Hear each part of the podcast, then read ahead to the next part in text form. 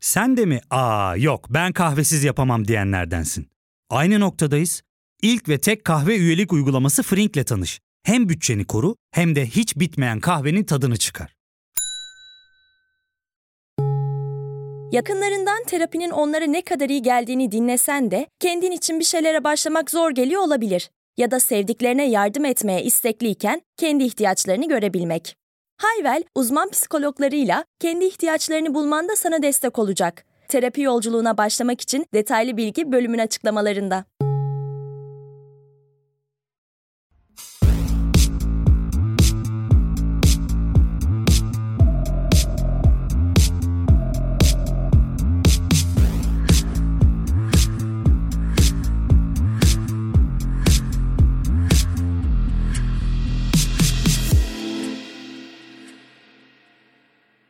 Sizde ya da bedeninizde hiçbir sorun yok. Hiçbiri hiçbir zaman sizin suçunuz değildi. Suçlu hissetmenizi ya da utanmanızı gerektirecek hiçbir şey yok. Bozuk değilsiniz. Penetratif seks hoşunuza gitmediği, gerçekleşmediği, bedeninizin henüz evet demek istemediği bir şey olduğu için daha az kadın değilsiniz. Diyor Lorna Meehan, benim hikayem Vajinismus'ta yaşamın başlıklı Irmak Saraç tarafından çatlak zemin için çevrilen yazısında. Bu bölümde Vajinismus'u psikiyatrist Seven Kaptan'la konuşacağız. Şu anda Podbean'in stüdyosunda karşılıklı oturuyoruz. Hoş geldin Seven, nasılsın? Teşekkür ederim. Hoş bulduk. O zaman başlıyorum. Vajinismus diye sormadan önce e, cinsel organ anatomisinden nasıl konuştuğumuzdan birazcık bahsedelim. Vajina, klitoris, dış dudaklar, iç dudaklar, idrar yolu, rahim, seviks, falop tüpleri ve yumurtalıklardan oluşan koskocaman bir genitali neden vajina üzerinden vajina diyerek tanımlıyoruz? Yani aslında iç ve dış genitaller diye ayırmak başlangıçta iyi olabilir. Bazen toplantılarda ya da danışanlarıma da soruyorum. Erkek cinsel organı nedir? Penis. Kadın cinsel organı nedir dediğimde vajina cevabını alıyorum. Neden peki diyorum. Mesela neden penis? İşte oradan zevk alınıyor, işte orası uyarılıyor, işte sertleşme oluyor falan filan. Fizyolojik bir şeyler de oluyor ve haz da aldığı yer.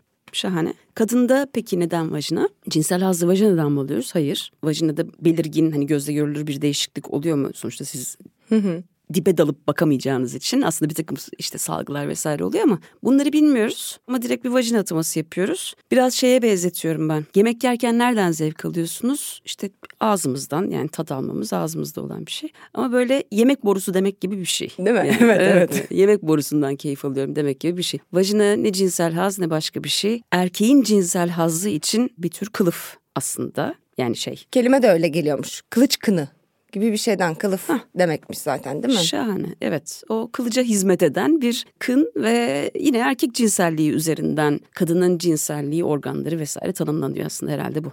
Ee, bir de belki seksi de penisin vajinaya girişi olarak tanımlamaya meyilli olduğumuzdan da işte Hı-hı. penisin karşısına vajinayı koyuyor da olabiliriz Hı-hı. diye düşündüm. İşte vajinanın penisi en ilgilendiren kısım olması belki de genitalde. Bu yine penis odaklılık. Peki vajinismus nedir? Vajinismus, vajinanın dış 1 bölü 3 kasları istemsiz kasılma özelliğine sahip. Çeşitli bilinç dışı kaygılardan dolayı nedenleri farklı olabilir ama bilinç dışı kaygıya bağlı olarak bu kasların kasılması çoğunlukla girişe engel olacak kadar bir kasılma yaşaması kişinin ya da giriş mümkün olduysa da bu birleşmenin ağrılı olması şeklinde tanımlayabiliriz. Bunun bir de hani, duygusal tarafı var. Cinsel birleşmeye dair bu kasılma devam ederken kaygı, korku gibi olumsuz duyguları da yaşaması, tüm bedenin bazen kasılması, çarpıntı, bazen bulantı, kusma dahi görebildiğimiz şeylerden biri. Yani fizyolojik bir stres tepkisini de kişinin tüm bedeninde yaşaması. Bu kasılma istemsiz oluyor değil mi? Hı hı, istemsiz bir kasılma. Yani bizim bu kasılma üzerinde bir kontrolümüz yok. Ben şu anda a, o kasılmayı canlandırmak istesem kendi bedenimde büyük ihtimalle beceremem. Vajinismus. Vajinismusu fake, yoksa. fake edemezsin. Evet. Peki vajinismus neden psikoseksüel bir durum? Sebepleri neler ve neden olabilecek faktörler ne der vajinismusa? Vajinismusu fiziksel olarak etkileyen başka yine jinekolojinin alanında ağrı bozukluğu vesaire e, gibi konular vardır. Ama bunun dışında psikiyatrinin ilgi alanı olan kısmında söyleyebileceğim şey. Başta söyledik ya bilinç dışı kaygı ve korku, cinsel birleşmeye, cinselliğin çağrışımına kendini bırakma vesaire bir, bir sürü noktada kaygı duyması kişinin. Neler olabilir? Sebepleri işte kadın olarak yetiştirilmenin geleneksel kadınlık rolü algısıyla ilgili olabilir. Nedir bu? Kadın cinsellikle ilgilenmez. Annelerin şeyi işte oranla oynama, oraya dokunma, mastürbasyon yapmaz. Cinsel istek duymaz, isteğini belirtmez vesaire yoktur cinselliği. Bizde daha çok evlilikle beraber cinsel birleşme yaşandığı için ilk denemeler en azından hayatının uzun bir döneminde hiç cinsellik yokken birdenbire kendini açması bekleniyor aslında. Hani Tüm zırhlarla ördüğü. değil mi? Evet. Tabii ki zırhlarla ördüğü bir yeri açması bekleniyor. Bu da bir anda olmayabiliyor. İşte bekarete verilen önem o zihinde kalıcı bir şekilde hani korumam gereken bir bölge gibi tanımlayabiliyor kişi. Yine katı dinsel ahlaki yargılar varsa ailede cinsellikle ilgili herhangi bir eylem ister istemez suçluluk ve utanç duygusunu e, getiriyor. Kişi yine kendisini açmak ya da cinselliğe bırakmakla ilgili içsel bir direnç hissedebiliyor. Bunlar her seferinde söylüyorum bilinç düzeyinde değil. işte ayıp ya da günah olarak algılanması sonuçta. Anne baba karakterlerinde bir takım belirgin özellikler görülmüş. Sonradan hani vajinismus hastalarıyla yapılan çalışmalardaki öykülere bakıldığında işte babayla ilişkide sorun daha otoriter baskıcı bir baba. O ödipal çatışmayı çözümleyememesinden işte cinselliğe dair suçluluk duygusu getirebilir. Daha güçsüz pasif anne hele ki ailede işte şiddet vesaire varsa erkekler şiddet uygulayan kişilerdir ve dolayısıyla bana bir cinsel yaklaşım hazır olmadığım bir yakınlık bir saldırı gibi algılanmasına kişinin sebep olabilir. Cinsel yönelim cinsiyet kimliğiyle ilgili eğer kişi heteroseksüel bir birliktelikte eşiyle ilgili kaygıları varsa hoşlandığı cinsiyet karşısındaki eşi değilse E, bir içsel direnç hissedebilir.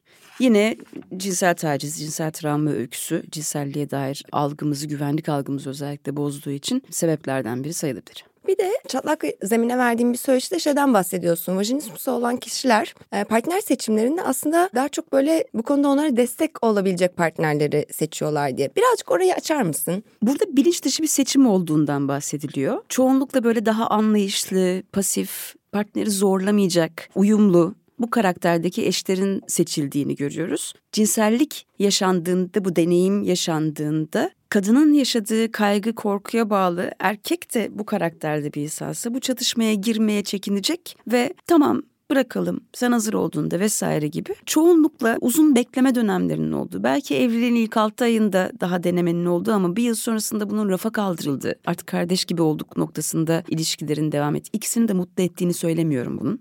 Gene bir sorun. Ama hani birbirlerini bu anlamda zorlamayan dolayısıyla da tedavi arayışında geciktiren çiftler olabiliyor uyum adı altında. İngilizce kaynaklarda araştırma yaparken vajinası olan kişilerin vajinismus olduklarını tampon kullanmadıklarında işte mastürbasyon yaparken içeri bir şey parmaklarını ya da işte seks oyuncağını ya da başka cisimleri sokamadıklarında anladığını gördüm. Yani daha doğrusu bu şekilde aa bende bir bozukluk mu var bende bir şey mi var diye bu keşif yolculuğunun bu şekilde başladığını gördüm. Türkiye'de birazcık daha bekaret takıntısı üzerinden belki birazcık da evlenilen zamana odaklı bir şeyler görüyoruz. Yani ben de bunun bir baskı aracı olduğunu varsayıyorum aslında. Peki belirtiler neler? Yani ne olduğunda genelde insanlar anlıyorlar? Hangi şikayetlerle doktora gidiyorlar? Teşhis sürecinde neler oluyor? Ya da yanlış teşhis sık rastlanan bir şey mi vajinismusta? Neyle karıştırılıyor? Çok Bir sürü soru sordun. değil mi? Başta belirtileri neler? Nerede insanlar bende vajinismus olabilir mi diye şüphelenmeye başlıyor. Bizim gibi biraz daha işte bu cinselliğin konuşulmadığı muhafazakar ülkelerde takdir edersin ki kadının penetrasyonla giden bir mastürbasyon yapması okey değil. Tampon kullanması. Tampon kullanması okey değil. O yüzden bu deneyimlerde bir vajinismus muyum acaba soru işareti oluşmuyor. Senin de dediğin gibi ilk cinsel birleşmelerde çoğunlukla da evlilikle çünkü öncesinde zaten kaçınılıyor. Bu bilinç dışı kaygıyı kişi bir yerde hissediyor. Mesela aldığım öykülerde bazen şunu duyuyorum. Evlilik öncesinde partnerlerle cinsel yakınlık var penetrasyona kadar. Çünkü kendimi evliliğe saklıyordum ya da işte bizim inancımız da bu şekilde gibi. Ama öncesinde bir cinsel yakınlık var. O cinsel yakınlıkta haz da var, keyif de var, belli bir kaçınma yok. Hatta cinsel birleşmenin olmaması zihinsel bir özgürlük de veriyor. Yani korktuğum şey başıma gelmeyecek gibi. Ne zaman ki cinsel birleşme oluyor oradaki zorlukla anlıyoruz. Ama yine de bunu şeyle karıştırmamak lazım. Bir de ilk gece korkusu diye bir şey var.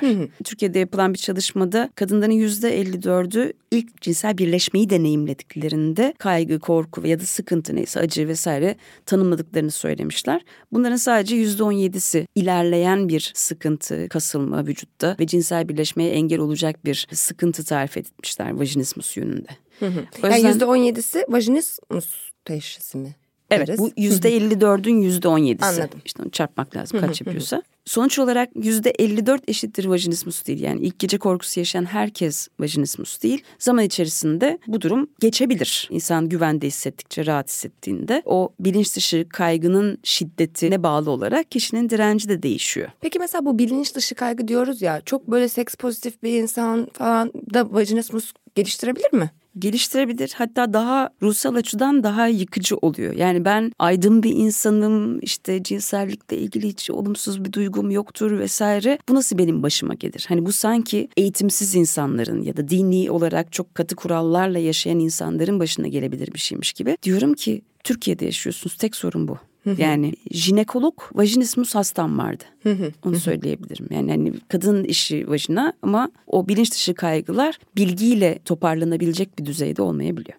Peki vajinismus olduğundan ya da işte cinsel birleşmede ağrı yaşadığında, sancı yaşadığında, yanma yaşadığında, olmadığında vesaire kişiler ilk nereye başvuruyorlar? Jinekoloğa mı? Sonrasında teşhiste nasıl oluyor? Psikiyatriste nasıl yönlendiriliyor? Cinsel terapiye vesaire o teşhis sürecini birazcık anlatır mısın? Öncelikle jinekoloğa başvuruyorlar. Çünkü hastanın kendisi de söylüyor. Orada bir duvar var sanki. Hmm. Ya da benim vajinam dar. Bende bir farklılık var o yüzden olmuyor gibi. Jinekolog muayenesinde zorlanan kişiler var. Muayene masasına oturamayan kişiler de var. Oturabilen kişiler de var ama çoğunlukla jinekolog buradaki zorluğu teşhis eder. Umarım ki psikiyatriste yönlendirir. Çünkü kendi kendisine tedavi etmeye çalışan doktor meslektaşlarımız da var. Jinekologlar da bu konuda maalesef işte üç günde tedavi falan gibi ilanlar verebiliyorlar. Peki mesela yanlış teşhis sık rastlanan bir şey mi? İşte bu, aa bu idrar yolu enfeksiyondur. Aa bu bir şeydir. Yani karıştırıldığı bir şey var mı vajinismusun çokça? Yani organik sebepleri dışlamak gerekir. Vajinada ağrıya sebep olacak bir enfeksiyon vardır bilmiyorum başka yapısal bir şey vardır. Ama hani gerçekten bir darlığın olması vesaire çok sık görülen durumlar değil. Ama ilk etapta psikiyatriste gelse dahi biz mutlaka bir jinekolojik muayene isteriz. Bu durumları dışlamak için kendi tedavi sürecimiz işte bilgilendirme şu bu devam ederken lütfen bir jinekolojik muayeneden de geçin deriz. Oradan da bir durum bildirir neyse muayene bulgusunu alırız ve öyle devam ederiz bunları dışlamak adına. Peki vajinası olan herkesin etkilenebileceği vajinismusun görülme sıklığı nedir? Bununla alakalı sanırım bir de kocaman bir data eksiği var. Birazcık belki neden o data eksikliği var ondan da konuşuruz. Cinsellikle ilgili çalışmaları yapmak çok zor. Bir yanı bu. Ee, Türkiye'de de öyle özellikle. Bir de vajinismus da geniş bir spektrum. Yani cinsel birleşmeye izin veren durumlar var, izin vermeyen durumlar var. İzin veren durum başlarda zorlandık ama sonrasında işte cinsel birleşme oldu ama hep ağrılı oldu. İsteksizlikle gidebilir ya da hiç gitmeyebilir. Çünkü zevk alsa da almasa da canı yansa da yanmasa da bu onun katlanması gereken bir şeydir. Eşine karşı vazifedir gibi baktığı noktada hangi bilimsel netlikteki değerlendirmeden bahsedeceğiz. Hı hı. Yani hani kendini öncelediği bir yer yok çoğunlukla. O yüzden de çok kaçıyor arada. Dünyada yüzde bir, yüzde altı gibi oranlarda verilmiş. Bazen yüzde on denmiş. Dediğim gibi bizim ülkemizde de yüzde on yedi 25 vesaire arasında olgu sıklığı bildiren çalışmalar var. Bayağı yüksekmiş Türkiye'nin oranı. Yani neredeyse 5 kişiden biri 4 kişiden biri. Evet yani gibi. şöyle pek çok cinsel işlev bozukluğu olmasına rağmen en sık başvuru sebebi vajinismus. %65-75 oranında cinsel işlev bozukluğuyla başvuranların vajinismus olduğunu biliyoruz. Peki mesela ereksiyon bozukluklarına dair daha net bir data var mı elde? Var tabii ki. Yani ben de oraya şeyin notunu almış yani ereksiyon bozukluğu ve bunun tedavisi e, söz konusu olduğunda bir sürü reklam görebiliyoruz. O bannerlardan oradan buradan pap pap pap pap pap hani bilmiyorum penisim olduğu bilgisini size kim sattı? Bilmiyorum yanlış bilgi satılmış size ama bir sürü bana da çıkıyor vesaire ya da öyle bir ayrım da yapılmıyorsa algoritmada. Ama vajinismusa dair gördüğümü hatırlamıyorum mesela ben. Sen hiç gördün mü öyle bir reklam çıktığı beni travmatize eden şeyler gördüm. Şöyle ki hacamat yöntemiyle vajinismus tedavi ediyoruz diye bir şey gördüm ve gözümde canlandıramadım. Korku filmi gibi falan geldi. Yani ne yapıyorsunuz acaba? Sülükle tedavi ilanı gördüm falan. Bu korku filmi şey Evet, e, evet. konusu olacak şeyler. Ama dediğin gibi aslında yani böyle reklam panolarında lanse edilecek bir şey yok. Çünkü erkeklik satılır. Yani o, o noktada vajinismus kadının bir eksikliğidir, bir kusurudur gibi algılanır. Ya da kadın cinselliği genel olarak çok gündem olacak değerde değildir. Yani hayatı boyunca vajinismusla yaşayan insanlar da büyük ihtimalle var tedavi sürecine başlamayan diye tam. Yani onun da datasını bilemiyoruz gelmeyince ama Evet, evet. olduğunu tahmin ediyoruzdur Yani herhalde. Ağrılı cinsellik yaşayan kişilerin belli bir oranı vajinismustur. Hatta belki de yüksek oranı. Türkiye'deki en yaygın cinsel işlev bozukluğunun cinsel isteksizlik ve anorgazmi olduğunu ancak tedavisine en sık başvurulanınsa vajinismus olduğunu söylüyorsun. Cinsel isteksizlik ve anorgazminin kısaca tanımını yapıp durumun neden böyle olduğunu yani neden bunlar daha sık görülürken tedavisine en sık başvurulanın vajinismus olduğunu açıklar mısın? Anorgazmi yaşam boyu ya da belli durumlara bağlı olarak yani dönemsel olarak kişide süreyen ya da tekrarlayıcı bir şekilde orgazm olamama durumu. Cinsel isteksizlikse yine süreyen ya da işte tekrarlayıcı bir şekilde hem cinsel eyleme girmekle ilgili bir isteksizlik hem de cinsel fantezi, cinsel uyarılmanın vesairenin azalması. Yani mastürbasyon yapma isteğini de duymaması. İlla partnere karşı bir isteksizlik değil, cinselliğin kendi gündeminden kalkması gibi düşünebiliriz. Ama bu aynı zamanda bir cinsel işlev bozukluğu diyebilmek için kişinin kendisinde bir huzursuzluk, bir sıkıntı da yaratmalı. Mesela aseksüellik gibi bir durumla karşılaştırılabilecek bir durumda değil bu noktada. Ya orada mesela 6 ay boyunca benim olağanımdan farklı bir seyir izlediğinde mi ben de cinsel isteksizlik var sanırım seven diyorum ve aslında Evet. teşhis alıyorum. minimum iki aydan fazla olmak üzere gibi kodlayabiliriz. Ama sonuçta ben bundan rahatsızım ve bu durumu değiştirmek istiyorum. Bu ilişkimde ya da benim hayat algılayışımda ben niye bunu yaşıyorum diye bir zorluk yaratmalı, bir soru işareti yaratmalı ve biz bunun sebeplerini araştırıp neyse daha çok tedaviler, bilişsel davranış tedavilerdir. Orada ilerleyebiliriz. Peki neden vajinismusun tedavisine en sık başvuruluyor? Çünkü az önce de bahsettiğim gibi yani kadının cinsel isteğinin olup olmaması, cinsel haz alıp almaması Orgazmı. orgazmı vesaire fantezileri şunlar bunlar hiçbir zaman heteroseksüel ilişkilerde diyelim e, çoğunluğu karşılayarak söylüyorum birincil gündem olmamıştır. Paketin içinde yok değil mi? Bonus olarak olursa alıyor. Gibi. Evet yani 40 yılda bir zevk alırsam ama başta zevk almayı öğrenmediği için kadın yani hani belki daha sonra konuşuruz mastürbasyon yapmayı bilmeden yani kendi haz yolunu keşfetmeden cinsellikten haz almak tesadüfi bir şey bir yanıyla da istek duymasa da aman eşim bozulmasın aramızda tatsızlık çıkmasın ya da eşi kaptırmayalım diye vazife olarak cinselliğini yaşar. Orgazm olup olmaması çoğu zaman erkeğin derdi de değildir zaten. Kadın da bitse de gitsek deyip gene cinselliğini yaşar. Ama vajinismusta bir cinsel birleşmenin olmaması iki tarafı da etkiliyor. Erkeği de etkileyen bir şey var. Çocuk gündemi var. Yani çocuk sahibi olmakla ilgili bir hani atıyorum kardeş kardeş yaşıyoruz biz bir yıldır iki yıldır takılıyoruz ama bu arada sevişirler de onu da söyleyeyim. Yani e, vajinismus hastası sevişemez diye bir şey yok. Çok güzel çatır çatır sevişirler. Zevk de alırlar, orgazm da olurlar. Oraya kadar derler. Vajinaya o kanala kadar. Biz cinsel birleşme denemesi yapınca tadımız kaçıyor. Denemeyi yapmazsak bir sıkıntı yok. Mesela bu grup hasta daha rahat ilerler. Çünkü her zaman sana sıkıntı verecek bir şeyi seni zorlasam artık istek de duymazsın. Tabii. Yani haz almayı geçtim istek de duymazsın. Bu gündemi masadan kaldırdığımızda rahat rahat sevişirler. Diğer fonksiyonlar etkilenmemiştir. Ama bu kaygı sebebiyle hani yaşadıkları früstrasyon karşılıklı cinsel istekten, cinsel eylemden uzaklaşmaya sebep oluyorsa, isteği azaltıyorsa daha komplike olgular olabiliyor. O yüzden de daha sık başvuru. Tamamlanmamış evlilik gibi bir adı da var. Hmm. Ay çok fenaymış o. Evet. Değil mi? Peki konusu açılmışken orayı netleştirmek adına vajinismusu olan kişiler gebe kalabilirler mi? Hamile kalabilirler. Yani dediğim gibi cinsel birleşmeye izin veren de olabilir. Birleşme yok. E, vajina ağzına boşalma da iyi yüzücülerle e, gayet mümkün olabilir. Bu olgularda var yani hiç penetrasyon olmadan hamile kalmış doğum yapmış kişiler var. Tabii ki sezaryen doğum oluyor onlarda. Ya fark ettin mi? Biz en çok kahveye para harcıyoruz. Yok abi, bundan sonra günde bir. Aa, sen Frink kullanmıyor musun?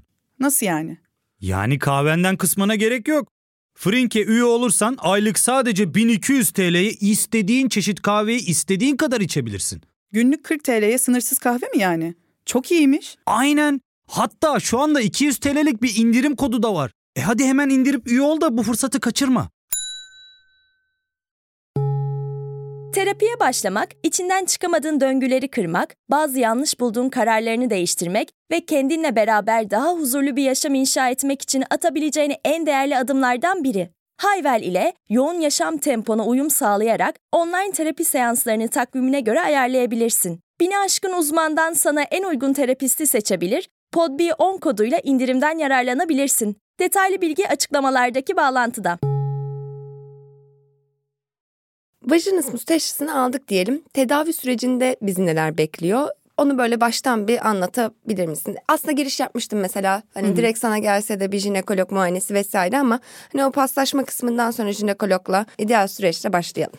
Bize çift olarak gelirler. Çift gelmezlerse çift gelmelerini arzu ederiz. Bunu söyleriz. Önce ayrı ayrı görüşmelerle yaşadıkları zorlukları, hikayeyi onlardan dinleriz. Hem de bir genel anamnez alırız. Yaşam öykülerine dair, cinsel gelişimlerine dair. Burada cinsellikle ilgili yanlış inanışlarını da böyle tek tek toplarız. Sonrasında... Nasıl oluyor mesela? Mitlere katılıp katılmadıklarını mı sormak gibi oluyor. Yani mit ölçeği de verebilirsiniz. Ben o görüşmenin içerisinde yediriyorum bazen. Hani sevişmeyi kim başlatıyor en çok? Ee, en sık ne oluyor? Kadın işte ne bileyim tabii ki eşim dedi. Neden tabii şaşırıyorum. Niye tabii ki dediniz ki? Ya da kaç yaşından bir mastürbasyon yapıyorsunuz diyorum. Ne münasebet diyor. ya da hiç yapmadım aklıma gelmedi. Aa diyorum şaşırıyorum falan. Oradaki algısını anlıyorum. Ne hissettiriyor mastürbasyon yapan kadın ne demek falan gibi. Ya da cinsel isteğini ifade eden kadın ne demek. Buralardan çıkıyor zaten. Sonrasında birlikte olarak onları alıyoruz, sorunu söylüyoruz. Sizi çift olarak şu şu tanıyla takip edeceğim, şöyle bir tedavi yapacağım diye anlatıyoruz. Sonra cinsel anatomi ve fizyoloji anlattığımız genel bir bilgilendirme yapmak icap ediyor. Bizim ülkemizde cinsellikle ilgili bir eğitim yani ben, ben almadım 80'liyim. Verilen kolejlerde ya da neyse okullardaki şeylerde çoğunlukla çocukları travmatize eden. Evet regle alakalıydı. Ben bir de şey demişler böyle minnacık bir kan akar falan ben onu böyle 3 litre anlamışım falan kan kaybından öleceğim sanıyordum. Tabii canım bir de şehir efsaneleri var yani işte ilk sevişmesinden sonra 10 gün oturamadı 7 gün yürüyemedi falan filan gibi şeyler var. E bunlar yapıyor zaten. Vaginismus loading oluyor ondan evet, sonra evet. değil mi? Ee, bunları konuşuyoruz. Yani hakikaten o himen nasıl bir yapıda, ne kadar kanar, ne kadar esnek, gerçeği nedir? Bunları bilmek bile psikolojik bilgilendirme bile çok önemli bir yolun kat edilmesini sağlıyor. Sonrasında da bir takım davranışçı ödevler veriyoruz. Cinsel birleşmeyi yasaklıyoruz. Masadan kaldıralım hı hı. problemi ve adım adım o kaygının üzerine gidelim diye. Peki mesela çiftlerle e, beraber çalışıyoruz dedim. Benim bir partnerim yok diyelim hı hı. ama işte böyle bir vajinismus şüphesiyle geldim. Hı hı. İşte jinekologdan muayenemi de istedin. E, gittim orada işte vajinal muayene yapamadık. Ondan sonra seninle sürece başlayacağım. Tek başıma bu süreç nasıl ilerliyor? Tek başına birazcık yarı yola kadar ilerleyebiliyoruz. Aldığım vakalarda oldu. Yani çoğunlukla bizim aldığımız eğitimde cinsel terapi çift tedavisidir. Çünkü bir yerden sonra eşle yapacağın ödevler vardır. Hı hı. Mesela vajinismusta parmak ödevleriyle başlarız biz penetrasyonda işte bir parmak bir boğum vesaire diye devam eder bu. Bir yerden sonra işte penisle birleşme, penis başı, yarım penis, tam penis gibi. Okey penis yok. Ne yapabilir? Dilatatörler var boy boy ya da vibratör. Hı hı. O da olabilir. Bir tane vardı e, single vaginismus danışanım. Şeyde bilgisayarda açtım. Hı hı. Erotik şap. Bakın böyle böyle sepete, vibratörlü. Sepete sepete böyle boy böyle boy. boy boy var. Penis gibi görüneni var, görünmeyeni var. Hangisi size iyi gelecek vesaire. Orada Hani çok sıradan böyle boy boy dilatatörlerden de seçebilir. Sonra onunla hani kendi bedeninin dışında bir cisimle devam etme adına bu da okey. Ama gene penis kısmı boşta kaldı. Orada gene bir kaygı duyabilir çünkü. Hı hı. Şunu diyorum sadece bir cinsel birleşme olacağında, bir düzenli bir cinsel partneriniz olacağında diyeyim. Böyle bir sıkıntınız olduğunu söyleyin ve onu tedaviye dahil edecek belki tek bir görüşme e, yapabiliriz ve aşama aşama gitmenizde fayda var gibi birazcık orada süreci askıya alıyoruz. Hı hı. Ha, mesela e, İngilizce kaynaklardan bakarken dilatatörlerin falan çok daha başvurulduğunu gördüm. Senden hani çift olarak başlıyoruz deyince aslında o da ilgimi çekmişti. Peki bu tedavi sürecinin zamansal olarak böyle belli bir zamanı var mı, uzunluğu var mı? Yani 8-12 hafta bazen 12-16 hafta gibi de geçer. Çiftten çifte değişir hızları. Daha uzun süren vakalar da var. Kaygılanıp frustre olup tedaviye arada veren de var vesaire. Biz haftalık olarak görüyoruz. Haftada bir bir takım ödevler veriyoruz ve ilerliyorlar. Ortalama böyle. E, dilatatör kısmını anladım ödevin. Çiftlere nasıl ödevler veriyorsun? Çiftlere cinsel birleşmeyi yasakladık ama cinsel yakınlığı yasaklamak da istemiyoruz. Zaten cinsel yakınlık eşittir cinsel birleşme değil. Benim dediğim kadar ve koşullarda sevişeceksiniz diyorum. Şöyle ki bir takım masaj ödevleriyle başlıyorlar. Bizim sıralı sevişme, güzel sevişme dediğimiz 10 dakika birinin pasif kaldığı, birinin aktif sonra yer değiştiriyorlar. Bu yavaş yavaş birbirinin genitaline dokunmakla ilgili kaçınması varsa mesela partnere kendini bırakma konusunda kadının kaygılarını azaltabiliyor. Bacaklarını hiç açamayan, genitaline hiç kendi de dokunmamış, partnerini de dokundurmamış kişiler var. Onlar için hani kolaylaştırıcı ve güvenli deneyimler oluyor. Yavaş yavaş bu kaygılar aşıldıkça ha bir de bunun haz yönü var diye daha işte klitorisi de içeren hazı eğer bilmiyorsa kendine dokunmayla birlikte keşfedeceği ya da partnerine bırakabileceği ödevler penise dokunmakla ilgili kaçınması varsa yavaş yavaş bunun da üstüne gideceği. Ama bu arada paralelinde kendisi işte parmak ödevlerini yapıyor. Hı hı. İlerleyen aşamada da hazırlarsa yavaş yavaş kademeli olarak penisle cinsel birleşme. Peki mesela bu etkileyen faktörler arasında vajinismusu beden algı bozukluğu da olabilir mi? Yani bedeninin nasıl göründüğüne dair belki bir kaygı. E, buna dair hiç ödev verdiğin oluyor mu? İşte bak vulvalar çeşit çeşittir. İşte hı hı. galeriye bakalım bak öyle falan filan gibi. Olabilir. Çoğunlukla hiç genitaliyle merhabalaşmamış kadınlar da olabiliyor. Zaten bu anatomi fizyolojiyi anlattıktan sonra bir kerelik bir ayna ödevi veriyorum yani. Hı hı. Bir, bir gidin bakın evde. Benim anlattıklarım sizde nerede ne durumda bir tanışın diyorum. Genitali yani böyle güzel bulmama anlamında değil de cinselliğe atfın olumsuz olduğu bir yerde kötü, çirkin, pis algısı daha fazla. Hmm. Yani orası pis, orası kötü, dokunulmaz gibi. O yüzden yavaş yavaş işte kendini dokunmayı keşfetme, merakı doğrultusunda evet başka genitalleri de incelemesi, pornografik materyaller de izleyen yani cinsellik algısıyla ilgili de hani ne bileyim erotik filmler olabilir, cinsel fantezileri. Burada vajinismus dediğimizde sadece penisi vajinaya sokacağız gibi bir tedavi yok. Bu kadın haz da alacak, orgazmda olacak, öyle gidecek diye düşünüyorum ben. Yani bir nevi aslında mastürbasyon süreci de var gibi. Yani bir tek başına yaptığı en azından egzersizleri. Bil, bilmiyorsa bunu da öğretmeden geçmek istemiyorum ben. Kullansın kullanmasın ama hani kendi hazzını keşfetsin ki partnere de öğretebilsin. Bu arada tabii ki erkeğe de bunun ne kadar önemli bir şey olduğunu ve birlikte öğrenebileceklerini, eşini bu anlamda teşvik etmesi gerektiğini vesaire o konuşmaların arasında geçiriyorum. Peki çok garip grup tırnak içinde tedavilerden hmm. bahsettin. Ee, birazcık nelere dikkat etmek gerekiyor? Sülük. Ya, bununla alakalı bir, bir yardım aranırken, tedavi aranırken nelere bakmak lazım? Ya düşünsene benim aklıma şey geliyor. Ya içeri kaçarsanız çıkaracağınız bir sürü şey. Çok korkunç bir şey o. Neyse. Şöyle düşünüyor insanlar. Mesela alkol almak, anestezi almak bayağı muhafazakar çiftlerin böyle kör kütük sarhoş olacak noktaya gelip cinsel birleşmeyi denediklerini biliyorum. Ya da gerçekten kadına anestezi verilip erkeğin orada baygın eşiyle cinsel birleşme sanki tecavüz yani tecavüzcü Tecavüz. gibi oluyor. Bu, bu durumda sertleşme bozukluğu geliştirebilir kişi. Sanki şey gibi orada bir kapıdan geçince o kapı yalama yapacak. Hı. Bundan sonrasında geçiş okey olacak gibi. İşte bu, bu saçmalığın böyle olmadığını anlatmak lazım. O yüzden üç günlük bir tedavi vesaire hani o bilinç dışı kaygılar, yanlış inanışlar, cinsellikle ilgili tabu, kadının bedeni, cinsel yargılaması bunları değiştirmeden organla ilgili yapacağınız teknik bir iş değildir bu sadece. O yüzden Hı-hı. üç günde vajinismus tedavisi olmaz. Bir de mesela vajinismus tedavisinde işte botoks uygulamaları, e, hipnoz vesaire de gördüm. Onları birazcık açabilir misin? E botoksta da gene hani okey kazınmayı engellediniz. Botoksun etkisi geçti. Ne olacak? Devam. Devam edecek. Diğer bütün yöntemler geçici çözümler oluyor. Bu çok sıkıntı verici bir hastalık. Yani bizim psikiyatride cinsel işlev bozukluğu alanında uzmanların en sevdiği hastalıktır vajinismus. Çünkü bu kadar kısa tedavisi olan, bu kadar teknik böyle tak tak tak ilerleyen çok az hastalık var psikiyatride. Depresyon daha zor. Biz çok seviyoruz ama hasta için çok sıkıntılı. O yüzden de o sıkıntıya bağlı olarak üç günlük çözümü, bir günlük çözümü tercih ediyor tabii ki. Ne kadar zorlayıcı olsa da yani anestezi alayım okey, sülük okey. Diyebiliyor. Ama işte güzel güzel bu bir anlatılsa, eğitimleri verilse, jinekolog arkadaşlar da burada destek olsa ne diyelim yanlış tedavilere yönlenme herhalde azalır. Yani doğru tedavi de aslında jinekologla psikiyatristin paslaştığı daha sonrasında yetkili psikiyatristin cinsel terapi yaptığı süreç değil mi? Evet. Tamam. Peki tedavi için sana gelen kişilerin en çok sorduğu sorular ne oluyor sana? Bir, iyileşecekti mi, geçecekti mi? Orada bir duvar var mı, yok mu vesaire. Ne kadar sürecek? Bunlar konuşuluyor. Ee, genellikle böyle yani hazla ilgili ya da başka bir şey değil de kaygıyla ilgili ve tedaviyi anlattığımda başta bakın bir takım parmak ödevleri vereceğim dediğimde irkiliyorlar Azal. Ya da anatomi fizyoloji anlatıyorum dedim ya. Benim görselim bir çizim. Gerçek fotoğraf değil. Onu görünce bile kadın irkiliyor ya da pozisyon değiştiriyor bir şey yapıyor. Bu ödevleri yapmak zorunda mıyım? Bakamıyorum bile ya da sıkıntı veriyor diyebiliyor. E diyorum ki okey doğru tanı koymuşuz o zaman. Yani- Malumun ilanı gibi. evet evet bunu kolayca yapacaksınız ben yanlış tanı koymuşum demektir. Peki neye iyileşme diyoruz vajinismusta? Tedavi sonucunda kişilerin genelde elde etmeyi bekledikleri şey ne oluyor?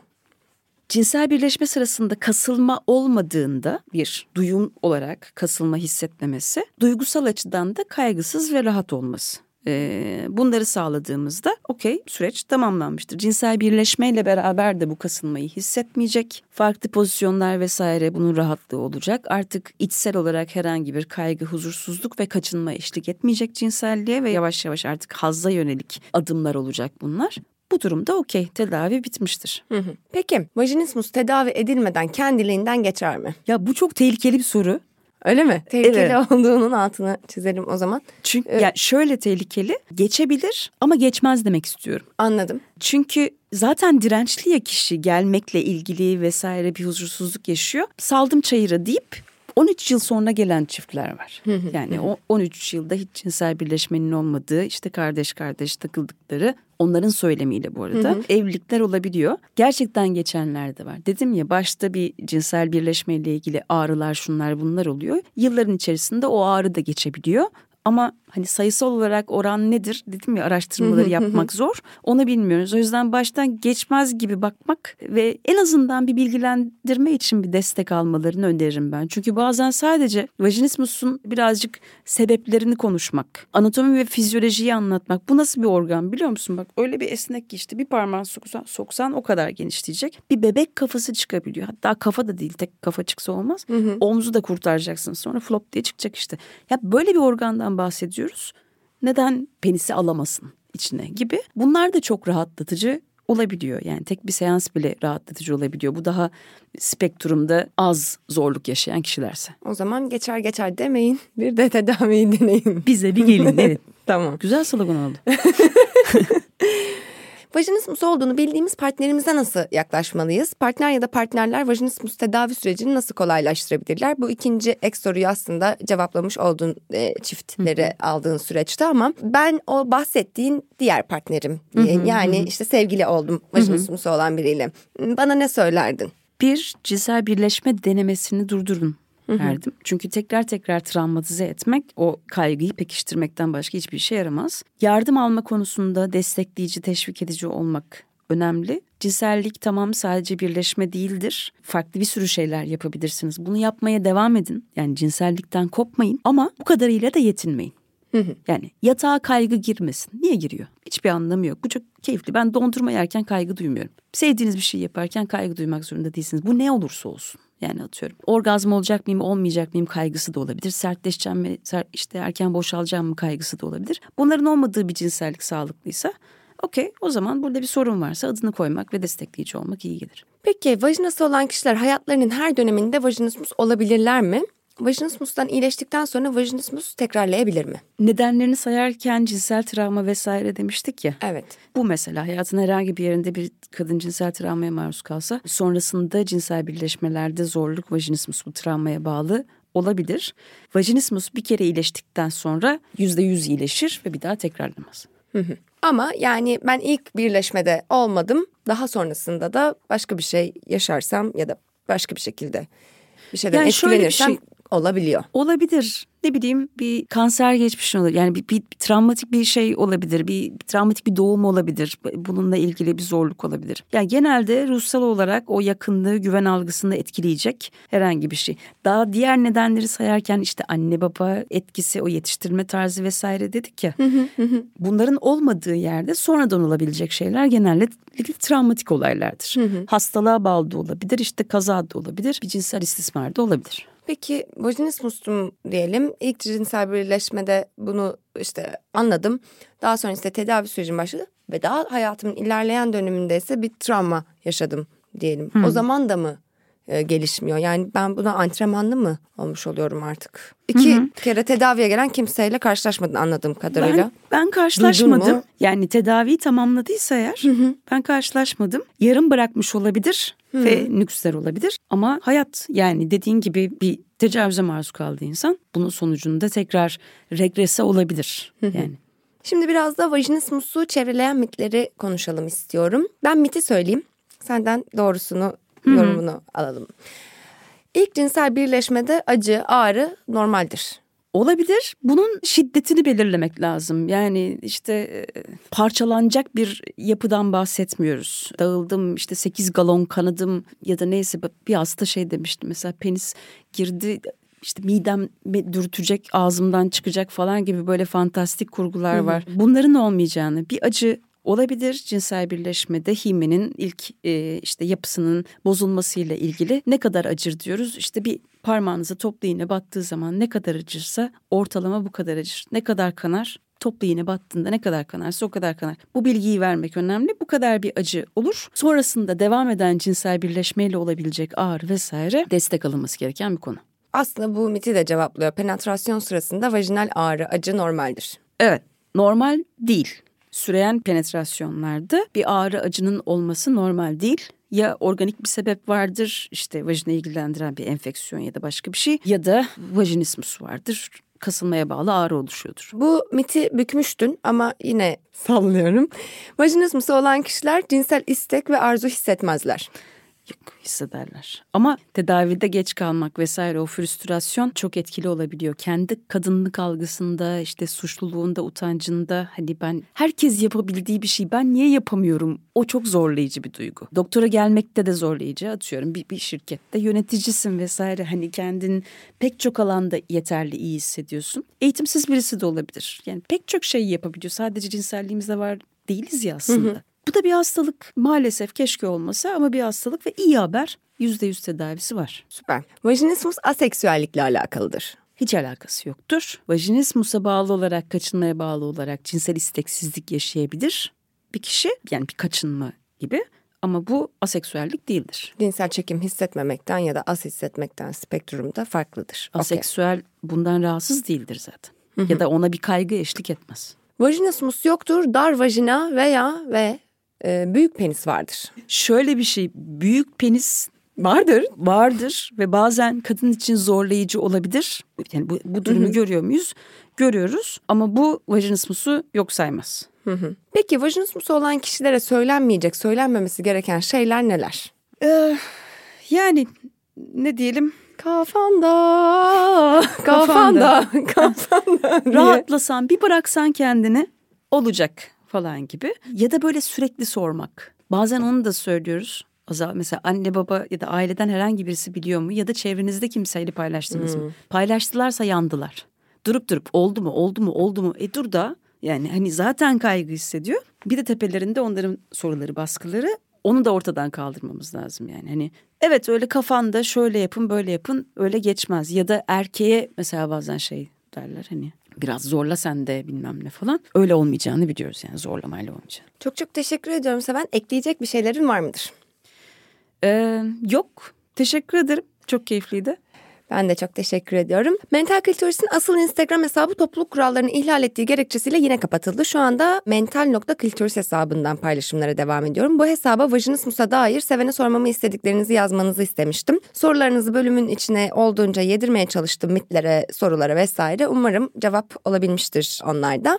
Bir de şöyle bir duyuru yapalım dedik. Yani soru soralım dedik. Bir soru daha var. Ee, Seven'le yeni bölümlerde de buluşabiliriz diye konuştuk. Siz ne düşünürsünüz? İster misiniz? İsterseniz ne konuşursunuz? Konuşalım istersiniz? Mental Clitoris'in sosyal medya hesapları üzerinden ya da mentalclitoris.gmail.com mail adresine lütfen düşüncelerinizi ve önerilerinizi yazın diyorum. Seven sana tekrardan teşekkür ediyorum ve bir sonraki bölümde buluşmak üzere diyorum. İnşallah.